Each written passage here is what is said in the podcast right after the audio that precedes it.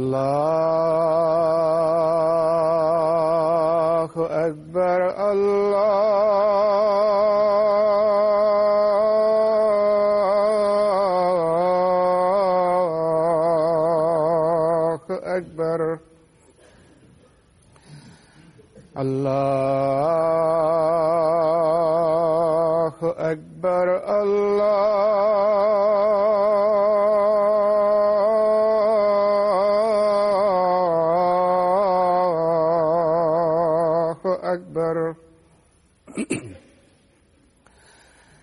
أشهد أن لا إله إلا الله. أشهد أن لا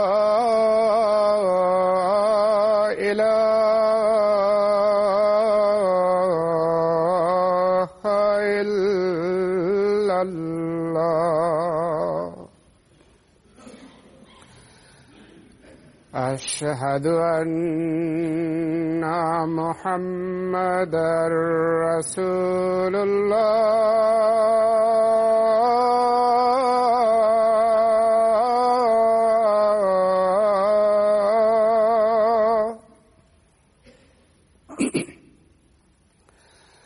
أشهد أن محمدا رسول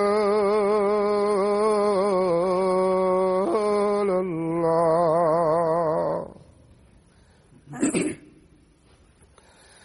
حي على السلام.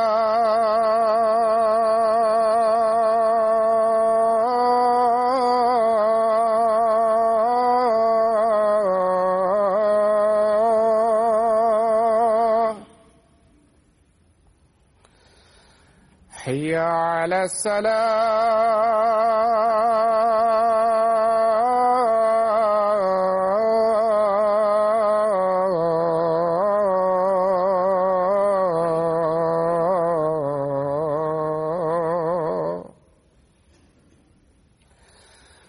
حي على الفلاح.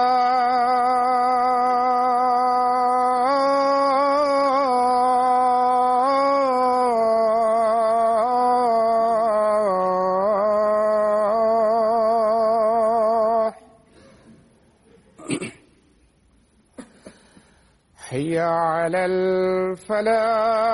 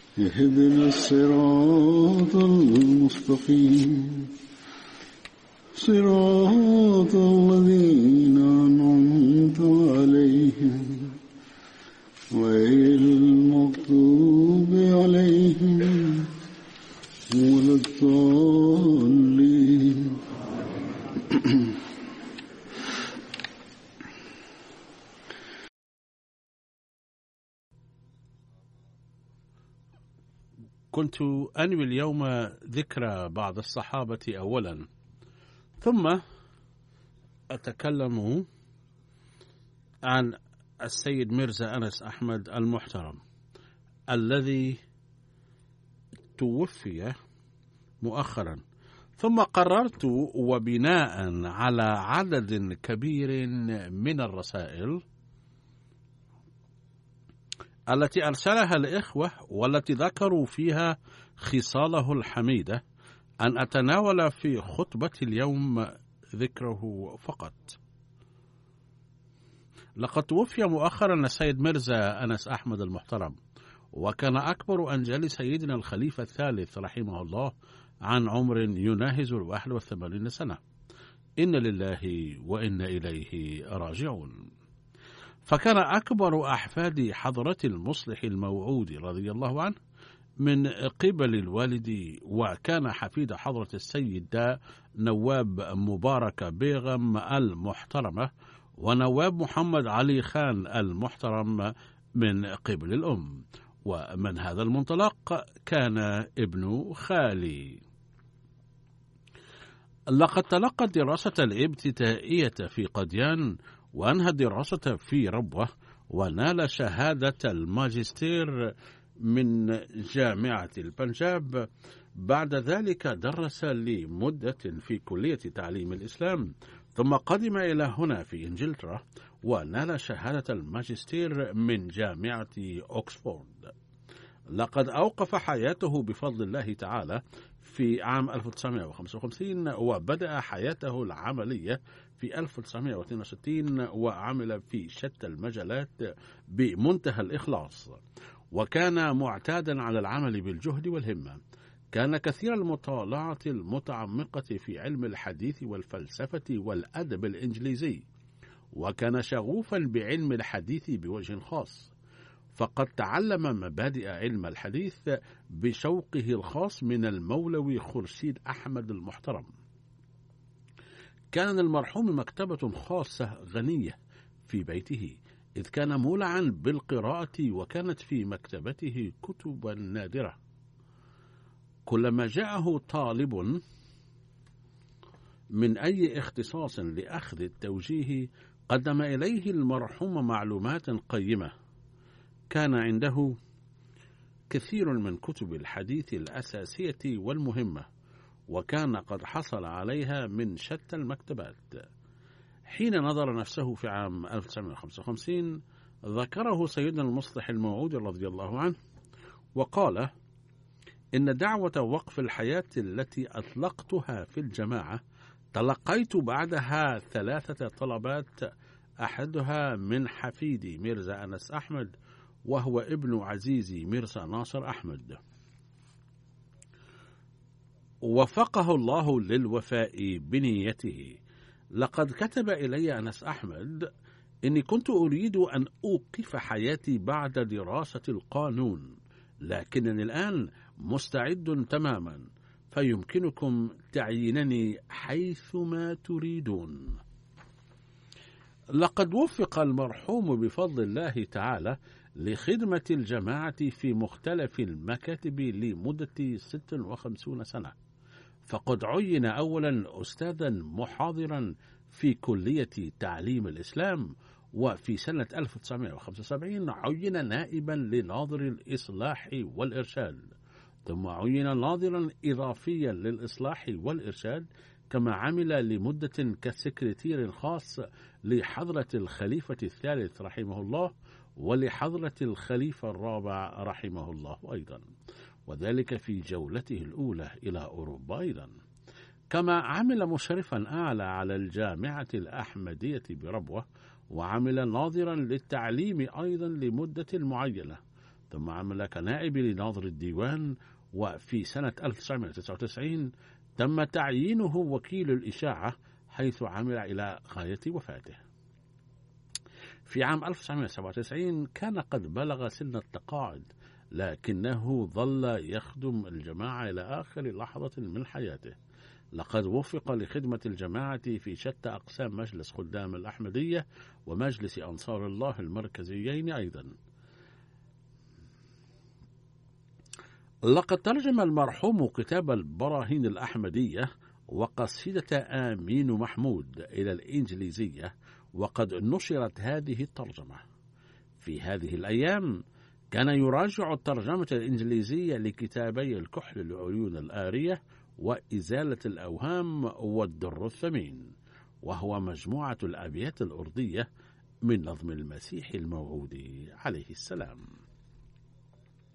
بعد تأميم مدارس الجماعة فتحت الجماعة مدارس جديدة تحت إشراف مؤسسة ناصر فكان المرحوم رئيسا لهذه المؤسسة كما كان عضوا في مجلس الإفتاء وكان عضوا في لجنة مؤسسة نور أيضا لقد أنشئت هذه المؤسسة المؤسسة لنشر كتب الحديث تحت إشراف الجماعة وإعداد ترجمتها وشرحها وكان المرحوم يترجم مسند أحمد إلى الأردية. لقد ذكر حضرة المصلح الموعود رضي الله عنه أمرا يتعلق بالمرحوم وهو في الحقيقة يلقي الضوء على تضحية المصلح الموعود نفسه. ولما كان اسم المرحوم ورد فيه لذا أذكره لكم ويعود تاريخه إلى أيام الهجرة من قاديان وانقسام البلد. يقول حضرة المصلح الموعود رضي الله عنه حين أتينا إلى باكستان مهاجرين من قاديان قلت لأهل بيتي إنكم ستتسلمون من المطبخ نفس ستتسلمون من المطبخ نفس الكمية من الطعام مثل الآخرين. فقد كان حدد كمية الطعام بسبب الأوضاع الصعبة طبعا في ذلك الوقت. وكذلك أصدرت الأوامر بأنه سيعطى كل شخص رغيفا واحدا فقط. وقلت لأهل بيتي أيضا أن كل واحد منهم أيضا سيقدم إليه رغيف واحد فقط. ذات يوم جاءني حفيدي أنس أحمد باكيا. وأخبرت أنه يقول أنه لا يشبع برغيف واحد. فقلت لن أعطيه أكثر من رغيف وإذا كان رغيف واحد لا يكفيه فيمكن أن تقدم له نصف رغيفي وأكتفي بالنصف الآخر. وبذلك يتوفر له رغيف ونصف. عندما ستزيد حصة حصة الضيوف رغيفا واحدا فسوف أزيد حصة أهل بيتي أيضا من الرغفة. وما دام الضيوف يقدم إليهم رغيفا واحدا قدموا له نصف رغيفي لاحقا. قد أكرمنا الله وتحسنت الأوضاع وازداد محصول الأراضي في السند وليس ذلك فحسب بل قد هيأ الله سبحانه وتعالى وسائل أخرى للدخل أيضا ورفع هذا الحظر. يقول سهر المرحوم مرزا وحيد أحمد المحترم ذات مرة كنت مسافرا إلى بخاري إلى بخارى وسمرقند فقال لي المرحوم إنك ذاهب إلى هناك فأرجو أن تزور قبر الإمام البخاري وادعو له وأقرئه مني السلام. وكان ذلك لحب المرحوم للنبي صلى الله عليه وسلم لأن الإنسان الذي جمع لنا كنز أقوال النبي صلى الله عليه وسلم وسيرته قبل مئات السنين يستحق أن ندعو له ونسلم عليه. يقول الدكتور نوري المحترم لقد رأيت المرحوم عن كثب مدة طويلة ولاحظت أنه كان ينجز المهمة المعهودة إليه بكل إخلاص وشوق وببذل الجهود الشاقة. ولقد رأيته حتى في المرض والضعف يترجم كتب سيدنا المسيح الموعود عليه السلام على الحاسوب المحمول إذا كان لساعات طويلة يكتب بالكمبيوتر وكان أصحابه أيضا معه يساعدونه في توفير نصوص نصوص من القرآن الكريم وكتب المسيح الموعود عليه السلام. فكان يقول إنما أمنيتي أن أنجز بعون الله تعالى العمل الذي عهده إلي خليفة المسيح. يتابع الدكتور نوري المحترم ويقول كانت ذاكرة المرحوم أيضا قوية جدا كان يعشق النبي صلى الله عليه وسلم الأحاديث وكان يذكر الأحداث من حياة المحب المخلص النبي صلى الله عليه وسلم أي سيدنا المسيح الموعود عليه السلام وخلفائه بحماس وعاطفة وبأسلوب لطيف يخلب لب المستمع. وكانت عيناه تدمعان وتغلبهما الرقة أثناء سرد هذه الأحاديث. وكان صبورا أيضا كما كتب الدكتور نوري نفسه من أن المرحوم أبدى دوما الصبر, الصبر والهمة في الأوضاع الصعبة وكان يتحمل كل ضيق بعزم. ورغم أنه لم يكن يقدر على حمل كأس أو فنجان شاي ولم يكن يقدر على قلب جانبه على السرير قد تابع أعماله وأنجز مسؤولياته بجهد جيد ولم يترك لأحد أي فرصة للشكوى وظل راضيا برضا الله سبحانه وتعالى. يضيف الدكتور نوري ويقول كان المرحوم يستقبل كل زائر بوجه بشوش وابتسامة وكان ذلك مزية خاصة له. قبل دخوله مستشفى طاهر لأمراض القلب بيوم جاءني للزيارة وكانت آثار الألم الشديد بسبب المرض بادية على وجهه ومع ذلك قال لي مبتسما أرى أن رحيلي وشيك وإني ذاهب للقاء ربي. فقد قال ذلك بوجه باسم ثم يضيف الدكتور نوري ويقول عن شكر المرحوم إنه كان رجلا شكورا وممتنا فقد قال لي مرتين بامتنان كبير لقد أحسنت إلي بصدق النية إذ قمت إذ قمت قمت بعيادتي فلا أرى أني سأتمكن من رد الجميل.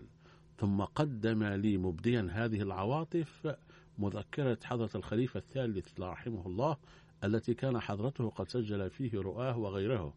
كما أهداني معطف حضرة الخليفة الثاني رحمه الله مثل ذلك أبدى شفقة كبيرة للفريق الطبي هنا. لقد رأيت أنا أيضا مكتبته الخاصة كما كتب الدكتور نوري أيضا أن الرفوف مع الجدران كلها كانت مليئة بالكتب إلى السقف. وهذه الكتب علمية واقتصادية وذات مواضيع أخرى شتى. وقال المرحوم أنه قد قرأ كل هذه الكتب. تقول ابنة الأستاذ مير داود أحمد المحترم السيدة ندرة المحترمة حين سمعت خبر وفاة المرحوم استحضر دماغي كثيرا من ذكرياته وتجددت ذكريات حضرة الخليفة الثالث رحمه الله.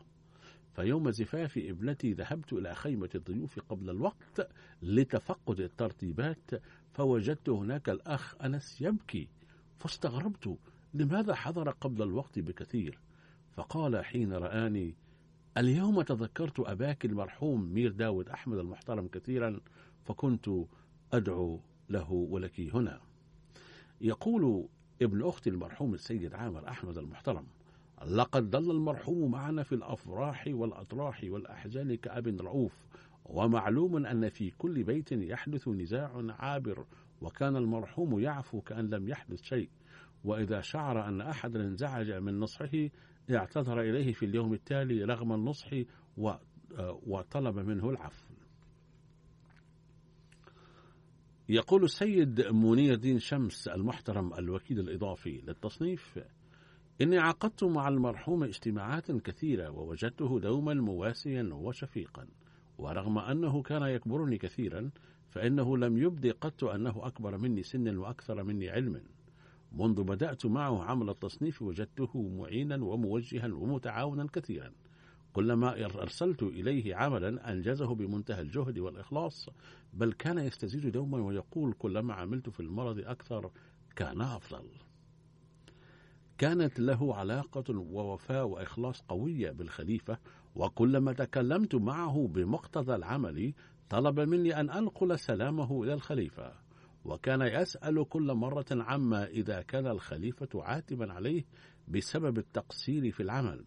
فكان دوما يخاف أن يسخط منه الخليفة. رغم كونه مريضا كلما أرسل إليه عمل من قبلي سعى جاهدا لإنجازه في أقرب فرصة وبكل سرور.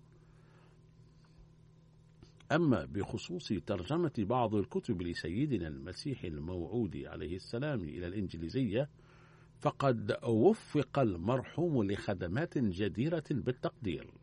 لقد وفق لترجمة بعض أجزاء البراهين الأحمدية إلى الإنجليزية ترجمة رائعة. وكان فريقنا أيضا يراعون رؤية المرحوم عند اختيار الترجمة النهائية. كلها أرسلت إليه, إليه ووكالة التصنيف ووكلت له التصنيف توجيهات مني قائلة. إن هذا ما قال خليفة الوقت ونرجو إرسال رأيكم. أرسل رأيه مدعوما بأدلة باختصار قد حرمت الجماعة من عالم ذي علم عميق هيأ الله لها علماء آخرين.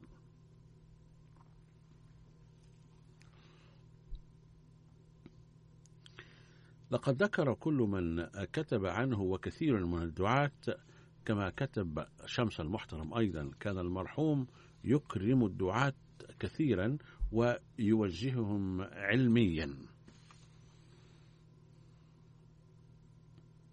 يقول السيد الحافظ مظفر أحمد الناظر الإضافي المحلي للإصلاح والإرشاد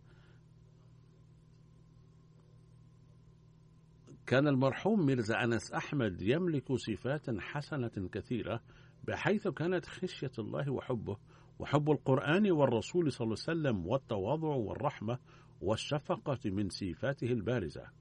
كان يهتم بحقوق العباد أيضا إلى جانب حقوق الله تعالى وكان يعير اهتماما خاصا بالفقراء والمساكين.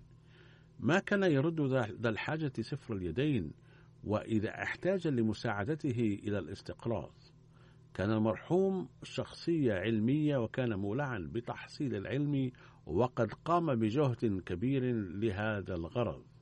وقال لي شخصيا أنه أكمل الدورة الأولى لقراءة كتب المسيح الموعود عليه السلام في العطلات بعد امتحان الثانوية.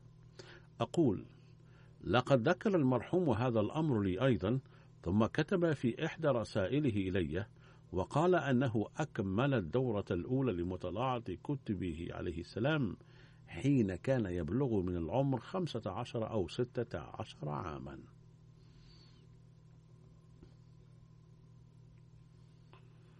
يتابع الراوي ويقول كان المرحوم محبا صادقا لرسول الله صلى الله عليه وسلم وبالنتيجة كان مولعا وشغوفا بعلم الحديث وبسبب هذا الحب للأحاديث تعلم اللغة العربية وأتقنها بحيث كان يقرأ شروح الأحاديث بالعربية إلى جانب الأحاديث نفسها. بعد امتحان الثانوية درس صحيح البخاري على يد المرحوم حكيم خرشيد أحمد. حين كان المرحوم ميرزا أنس أحمد يدرس في الكلية كنت أن كنت أرى سيارته أمام بيت حكيم خرشيد أحمد صباحا فكان يدرس عنده صحيح البخاري قبل الذهاب إلى عمله. وقد درس بقية كتب الصحاح الستة بعد البخاري بمبادرته الشخصية فظل طالبا للعلم إلى آخر لحظة من حياته. لقد اشترى كما هائلا من كتب الأحاديث ببذل أموال كثيرة وبذلك قد جمع كنزا كبيرا منها في مكتبته الشخصية في بيته. وقد وجدت مكتبته مفيدة جدا إذ يوجد فيها كثير من الكتب النادرة. فمن هذا المنطلق إن مكتبته فريدة من نوعها. كان شغوفا بعلم الحديث كثيرا بحيث قد اقتنى كتبا حول المواضيع الأخرى المتعلقة بعلم الحديث مثل علم الرجال وعلم أصول الحديث وغيرها. كان من عادته أن يطالع بدقة وعمق ويطرح تلك المواضيع في النقاش العلمي. أقول كنت قد أنشأت في ربوة لجنة باسم مؤسسة نور لترجمة الصحاح الستة لتكون معنية بترجمة تلك الكتب وشروح بعضها بالأردية. يقول السيد الحافظ مظفر أحمد عين المرحوم ميرزا أنس أحمد عضوا في هذه اللجنة وقد اختار لنفسه إلى جانب مشاغله المكتبية الأخرى عملا شاقا وطويلا وهو ترجمة مسند أحمد بن حملم. واستمر فيه على الرغم من مشاغله الأخرى واعتلال صحته وأكمل ترجمة مئات الأحاديث منه. وهذه الخدمة التي قام بها المرحوم ستخلد ذكراه. يضيف الراوي ويقول إن أجمل مثال على حبه لعلم الحديث أنه كان يشاهد في شهر رمضان المبارك من خلال درس الحديث. فكان المرحوم يبذل جهدا كبيرا واهتماما ملحوظا في إعداد درس الحديث وإلقائه وغالبا ما كانت حول جوانب مختلفة لسيرة النبي صلى الله عليه وسلم وكان يجمع في دروسه مادة ثمينة ونادرة حول هذا الموضوع. كان في صوته رقة وتأثيرا كبيرا. كنا نستمتع بدروسه في شهر رمضان المبارك حيث كان يلقيها بأسلوب جميل وزاخر بعواطف الحب فكنا نشعر كأننا رجعنا إلى زمن القرون الأولى لبعض الوقت. لقد وفق المرحوم لإلقاء الخطب إلى عدة سنين في الجلسات السنوية في ربوة يقول نائب وكيل وقف نوح السيد شميم برويز إن حادثا دالا على حبه العظيم للخلافة منقوش في ذهني يقول عند انتخاب الخليفة الرابع رحمه الله كنت أختم الجماعة بصفة قائد مجلس خدام الأحمدية لمحافظة جنق وكنت أقوم بخدمة الحراسة خارج محراب المسجد المبارك أثناء عملية الانتخاب وما إن وصل من المسجد خبر انتخاب حضرة ميرزا طاهر أحمد كخليفة رابع للمسيح الموعود عليه السلام حتى رأيت ميرزا أنس أحمد يخر, يخر ساجدا لله تعالى على الأرض التي كانت معبدة بحجارة تلتهب من شدة الحر في شهر يونيو. وكتب الدكتور افتخار من لندن كان المرحوم واقفا للحياة حقا لم ينقطع عن عن الحضور في المكتب وظل مشغولا بأعمال الترجمة وأعمال مكتبة الإشاعة إلى آخر حياته. كان يقوم بعمل الترجمة بانهماك وتركيز شديدين، وأحيانا كان يقضي أياما في البحث عن تعبير مناسب، لقد بلغ مستوى عال في الطاعة. وكتب السيد خالد من المكتب الروسي: كلما أفكر في شخصية ميان المرحوم أجدها أجدها صورة متجسدة حقا لقول رسول الله صلى الله عليه وسلم اطلبوا العلم من المهد إلى اللحد كان عنده شغف شديد بتعلم شتى العلوم. ما كان يترك أي فرصة تنفلت من يده لتعلم شيء جديد أو معرفة أمر جديد. كانت أحاديث الرسول صلى الله عليه وسلم وعلم الحديث أحب المواضيع إليه. كما كان مشغوفا بعلم الألسنة كان يحب تعلم مختلف اللغات كان إكرام الضيف من أبرز خصاله الحميدة. في عام 2005 جاء من روسيا إلى ربوة السيد رستم حماد ولي رئيس جماعتنا في روسيا ومعلمنا في موسكو من أجل إعداد ترجمة معاني القرآن الكريم. وكنت أعمل معه على إكمال هذه الترجمة. كان السيد رستم يقيم في دار ضيافة التحريك الجديد وذات مرة لم يتوفر ما كان يتناوله السيد رستم من مأكولات معينة بحسب مزاجه وأكبر ظني أنها كانت قد نفدت فدعاني المرحوم على المرحوم على الفور وقال إن السيد رستم ضيفنا الكريم وتقديم كل ما يحتاج إليه هو من أول واجباتنا. ثم أعطاني المرحوم مبلغا من جيبه وقال أحضر له الأشياء المطلوبة وإن احتاج شيئا في المستقبل فأخبرني أنا مباشرة. بعد تنفيذ أوامره أخبرته بأنني قد جئت للضيف بكل ما يحتاج إليه. ثم بعد ذلك أيضا ظل المرحوم يسألني بانتظام عن إكرام هذا الضيف. وقال السيد محمد سالك داعيتنا في بورما هناك واقعة للمرحوم بشأن طالب سريلانكي أثرت في جدا. يقول حضر من سريلانكا طالب اسمه منير أحمد للدراسة في الجامعة الإسلامية الأحمدية وهو يعمل الآن داعية في سريلانكا. ذات مرة مرض هذا الطالب في أيام الجامعة مرضا شديدا فكان حضرة ميان المرحوم يحضر إلى المدينة بقلق شديدا ليلا ونهار ويسأل عنه بحرص شديد كأن المريض من أقرب أقاربه. كان ميان أنس أحمد المحترم في تلك الأيام المدير الأعلى للجامعة الإسلامية الأحمدية. وكان السيد جمشاد المحترم داعيتنا في أمريكا في جلسته مع الدعاة كان يسعى بشدة أن يخلق فيهم حماسا لتبليغ الدعوة. كان جد مولعا بالمطالعة وكان يحث الدعاة عليها مرارا وكان يجمع في مكتبته, مكتبته أكواما من الكتب دائما. كان يقرأ صحيح البخاري بكثرة ويناقش مع الدعاة الذين كانوا يحضرون عنده الأمور العلمية. وكتب, وكتب السيد شاهد محمود داعيتنا في غانا. كان لي شرف العمل مع ميان المرحوم لأكثر من 12 عاما في وكالة الإشاعة بصفته مدير التحرير للجزء الإنجليزي لمجلة التحريك الجديد. كنت أتعلم الكثير والكثير من المرحوم. كان مفعما بحب المسيح الموعود عليه السلام وحب الخليفة وطاعته. كثيرا ما كانت الدموع تسيل من عينيه عند ذكر اسم المسيح الموعود عليه السلام. ويضيف كان يجلسني في مكتبه عند ترجمة الكتب ولا سيما البراهين الأحمدية وكحل عيون الآرية وأمين محمود وقد دعاني إلى بيته من أجل الترجمة عدة مرات لم يكن يهتم بأن اليوم هو يوم عطلة أو أن وقت الدوام قد انتهى.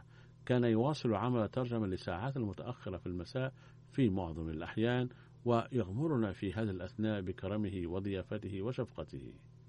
ويتابع ويقول كان قد أمرني بإمامة صلاة الظهر في مكتبه حيث كان كل من في مكتبه يصلون هنالك. كنت أنظر إليه وهو يصلي السنن.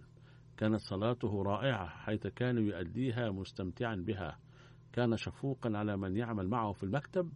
ذات مرة مرضت وحضرت المكتب رغم المرض فأمرني بشدة بأن أعود إلى البيت ومنحني عطلة ستة أيام. مع أنه كان يحضر المكتب وهو مريض ويواصل عمله في البيت أيضا. وكتب الداعية أياز محمود خان من مكتب وكالة التصنيف بالمملكة المتحدة. ويقول لقد تعلمت من المرحوم أمورا كثيرة بصدد عملي. كان يقوم بترجمة كتب المسيح الموعود عليه السلام بكل محبة وشوق. فكان يخبرني دوما بما يجده من عبارات صعبة خلال الترجمة مع حلول يجدها كان يشاطرني تجاربه في تجاربه في الترجمة. هناك أمر هام كان يقوله لي بوجه خاص وهو أنه لا يكفي أن يبحث المترجم من القاموس عن المعنى الحرفي لكلمة ثم يكتبه في الترجمة بل من الضروري أن يرى أن لا يكون ذلك اللفظ متنافيا مع كانت المسيح الموعود عليه السلام. وإذا رأى أن المعنى الحرفي غير مناسب فعليه أن يختار لفظا وتعبيرا آخر يؤدي المعنى المراد. في أيام مرضه قال لي مرارا إن سرعة عملي قد تباطأت جدا فكلما أجلس للعمل لا أقدر بسبب الإرهاق على إنجاز ما أريد إنجازه ومع ذلك أجلس العام ستة أو سبع ساعات وأعمل بلا توقف وأقول لقد رأيته أنا أيضا يعمل جالسا اثنا عشر وثلاثة عشر بل خمس عشر ساعة متواصلة. وكتب السيد أياز خان أيضا وقال عندما زرت أنا وزملائي في الصف بالجامعة ربوة جلسنا معه عدة جلسات فقال لنا عندها وفيما بعد أيضا كلما تحدثت معه. عليكم أيها الشباب مطالعة كتب الأدب أيضا وتعودوا على قراءة كل نوع من الكتب ولا تكتفوا بمطالعة الكتب الدينية فقط. اقرأوا الفلسفة والأدب والروايات أيضا فهذا يقوي لغتكم ويزيدكم ثقافة. كان يقول لي هذا ضروري لك لأنك تقوم بعمل الترجمة. ذات مرة سألته عن كلمة صعبة وقلت له ما هي ترجمتها المناسبة بالإنجليزية في رأيكم؟ ففكر مليا ثم ذكر لي ثلاث كلمات. فأخبرته أن حضرة شدري ظفر الله خان المحترم قد ترجم هذه الكلمة إلى الكلمة الإنجليزية الفلانية في أحد المواضع فغمره السرور وقال هذا هو الصحيح وهذه هي ترجمتها. كان يكون لحضرة شودري ظفر الله خان المحترم حبا واحتراما كبيرين. وقال لي كانت لغة حضرة شودري المحترم رائعة فاختر هذه الكلمة نفسها. ويتابع السيد أياز خان ويقول لقد رأيت ميان المرحوم لا يقيم لعقله وذكائه وعلمه أدنى وزن إزاء رأي الخليفة إذ كان له رأي في قضية ثم أخبرته من حضرة الخليفة يرى هكذا فكان لا يلبث أن يقول أنا على الخطأ وما قاله الخليفة والصحيح. وهكذا كان يعلمني مرة بعد أخرى أن كل رأي إزاء رأي الخليفة لا يساوي شيئا إنما رأي الخليفة هو الرأي ولا بد لنا من العمل به. وقال الشيخ نصير المحترم الذي يعمل في المكتب الروسي لقد قضيت مع ميان المرحوم 16 عاما في وكالة الإشاعة وتعلمت منه الكثير والكثير. لقد وجدته صديقا شفيقا دائما. لم يشعرني أبدا أني أعمل تحت امرأته. كلما فكرت بفقدان أبوي كان يقول لي دائما عليك أن تعدني أن تعدني في مكانهما. ثم كتب كان المرحوم يعامل كل العاملين بمنتهى الشفقة وإذا زجرني زجرا خفيفا لا يكاد يذكر نتيجة خطأ صدر مني كان يذكر دائما ما بدر منه ويقول لي في اليوم التالي أرجو أن تكون قد عفوت عني. فكنت أقول يا سيدي لم أشعر بزجرك قط. كلما سخط المرحوم على شيء كان يلزم الصمت فكنا نعرف أنه ساخط ولكنه كان يهتف بعد هنيهها لأمر ما ولم يبق السخط أو ما شبهه في صدره كلما كلف بمسؤولية من قبل خليفة الوقت كان يجلس مع العاملين تحته ليضع خطة العمل وكان يأخذ الجزء الأصعب من العمل على عاتقه ويبذل قصارى جهده لإتمامه. وإذا كان في البيت بسبب المرض وكلما وكلما تعذر عليه الحضور المكتب كان يدعو العاملين معه إلى بيته ويجعله مكتبا. ما كان يفكر في العطلة أو الاستراحة بل كان يعمل في مجال الترجمة مستلقيا في فراشه وكثيرا ما يأتي إلى المكتب على الدراجة معي. يقول السيد زاهد محمود مجيد الموظف في مكتب الإشاعة لقد سنحت لي فرصة خدمة الجماعة مع المرحوم ووجدته محبا مخلصا جدا للخلافة. كلما أراد أن يكتب رسالة إليكم يقصدني أنا؟ يقول حضرة المؤمنين. كانت العواطف تغلبه دائما وكلما كلف بعمل من الخليفة كان يبذل لإكماله كل ما في وسعه. وإذا حال المرض دون ذلك أحيانا كان يقلق كثيرا. يقول الراوي السيد محمود مجيد لقد أصبت ذات مرة بحصي الكلية وأجريت لي عملية جراحية في مستشفى فضل عمر بربوة وأخبرني والدي بعد ذلك أن مرحوم أنس أحمد ظل يتمشى في أروقة المشفى مضطربا ومنهمكا في الدعاء حتى تمت العملية.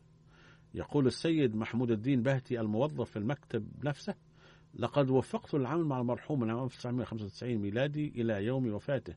كان المرحوم يحترم العاملين معه دائما. كلما دعا أحد إلى غرفته لأمر ما أجلسه على الكرسي قبل الشروع في الحديث. وكلما سقط على عامل تلطف معه بعد ذلك فورا وفي بعض الأحيان كان يعتذر إليه. ذات مرة كلفني المرحوم بعمل ولكنني رفضت أو رددت عليه بالنفي وما صدر مني كان من سوء الأدب ولكنه غض الطرف عني واكتفى بالقول ما كان يليق بك أن ترد علي هذا النحو بهذا النحو كنت إلى فترة معينة أتأخر عن الوصول المكتب بسبب الإصابة في ركبتي ومن ثم كانت علامة أكس توضع أمام اسمي في سجل الحضور. فالأسلوب المتبع في المكاتب هو أنه إذا بلغت هذه العلامة عدد معينا أمام اسم أحد عدت بمثابة غياب ليوم واحد.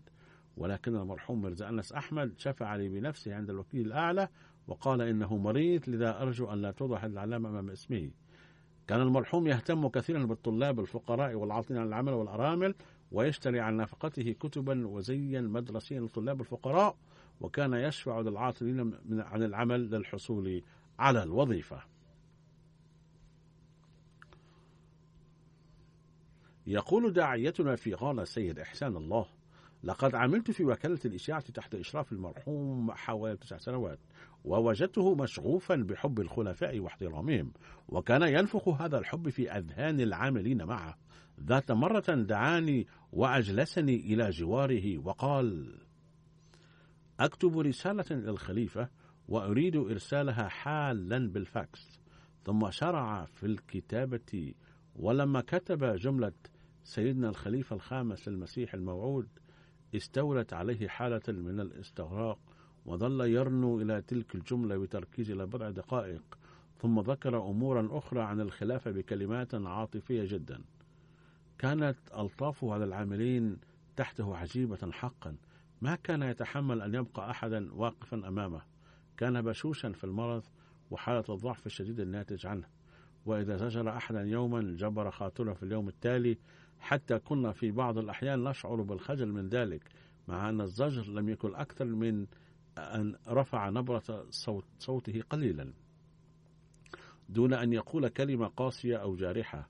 وإذا رأى أحد يعامل يعامل في المكتب أظهر براءته من منه بتصرفه.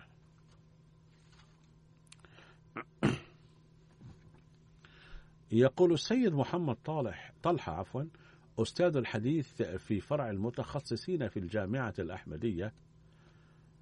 في أثناء الاختصاص سنحت لي وللسيد فهد أحمد فرصة دراسة الحديث لعام كامل على يد المرحوم فكان يسعى جاهدا على الرغم من مسؤولياته الأخرى واعتلال صحته ألا يمر يوم دون الدرس الحديث أو يدرسنا الحديث بالأحرى. ذات مرة لم يحضر المكتب بسبب شدة المرض فدعانا إلى بيته للدرس. يقول داعيتنا السيد آصف أويس الذي يعمل في وكالة الإشاعة لقد عينت في هذا المكتب قبل بضعة أشهر وكانت هذه الأشهر القليلة تذكارا جميلا في حياتي. فقد لطف بي المرحوم مرزا أنس أحمد كثيرا ورعاني في كل مناسبة. كان فارق السن بيني وبين المرحوم يقارب خمسين سنة. و ولكني كنت أشعر كأن هذا الفارق الزمني إنما هو بالاسم فقط. إذ كان الحوار يجري بيننا في جو جميل وودي جدا. وكان المرحوم يمازحني أيضا. أحيانا ليبقى جو المجلس لطيفا وجميلا. كنت أعمل على ترجمة المرحوم لمسند أحمد بن حنبل ووجدت أن المرحوم يملك قوة وعزيمة خارقة للاستمرار في العمل على الرغم من تقدمه في العلم وتدهور صحته بشدة. ولم يدع اليأس أو فكرة عدم إنجاز العمل تقترب منه.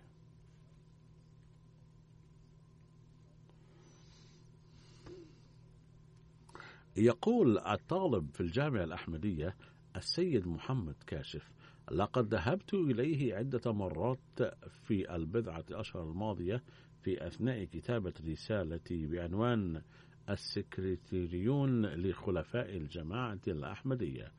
وقد أعطاني كثيرا من وقته الثمين بكل حب واهتمام. لقد أجريت معه عدة مقابلات للتزود بالتفاصيل في أثناء مرضه أيضا. وقال لي ذات مرة بصوت ملهو رقة إني ملخص حياتي هو أن ملخص حياتي هو أن مساعي الإنسان وجهوده ليست بشيء يذكر بل إن فضل الله تعالى هو كل شيء ثم بركات الخلافة.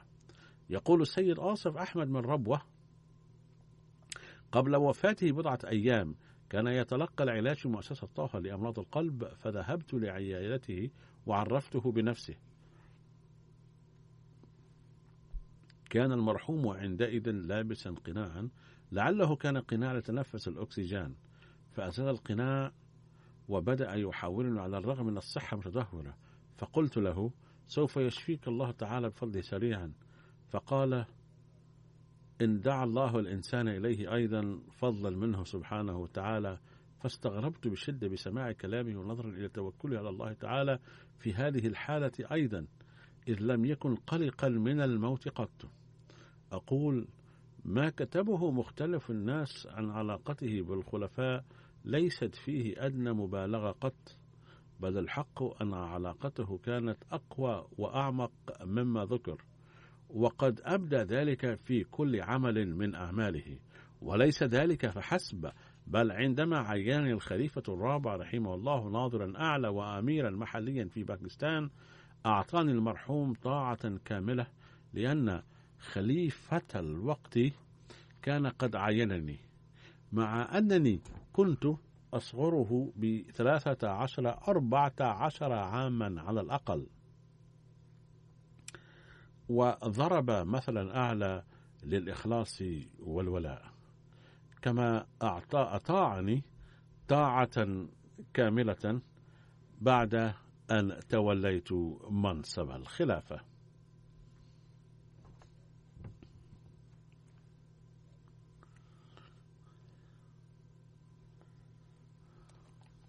ندعو الله تعالى أن يرحمه ويغفر له ويحقق أمانيه النبيلة لنيل أفضال الله تعالى ويجعل مثواه في أحبائه ويجعل أولاده مخلصين وأوفياء للخلافة.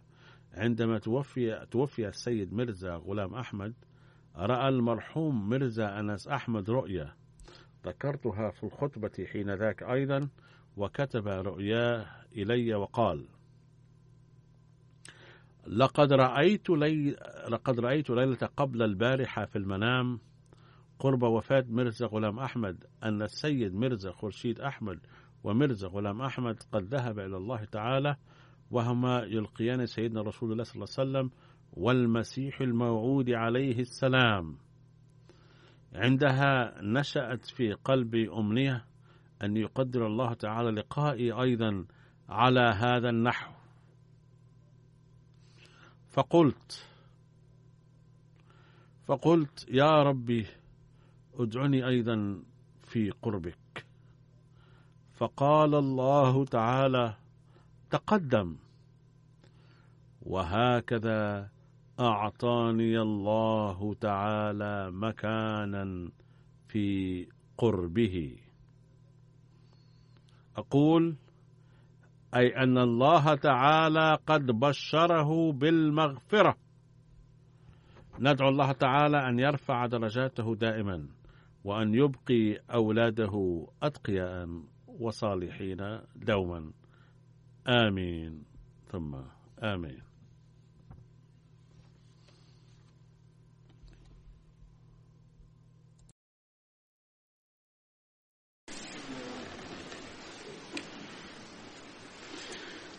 الحمد لله الحمد لله نحمده ونستعينه ونستغفره ونؤمن به ونتوكل عليه. ونعوذ بالله من شرور أنفسنا ومن سيئات أعمالنا. من يهده الله فلا مضل له ومن يضلل فلا هادي له. ونشهد أن لا إله إلا الله. ونشهد أن محمدا عبده ورسوله. عباد الله رحمكم الله. إن الله يأمر بالعدل واللسان وإيتاء ذي القربى وينهى عن الفحشاء والمنكر والبغي يعظكم لعلكم تذكرون اذكروا الله يذكركم وادعوه يستجب لكم ولذكر الله أكبر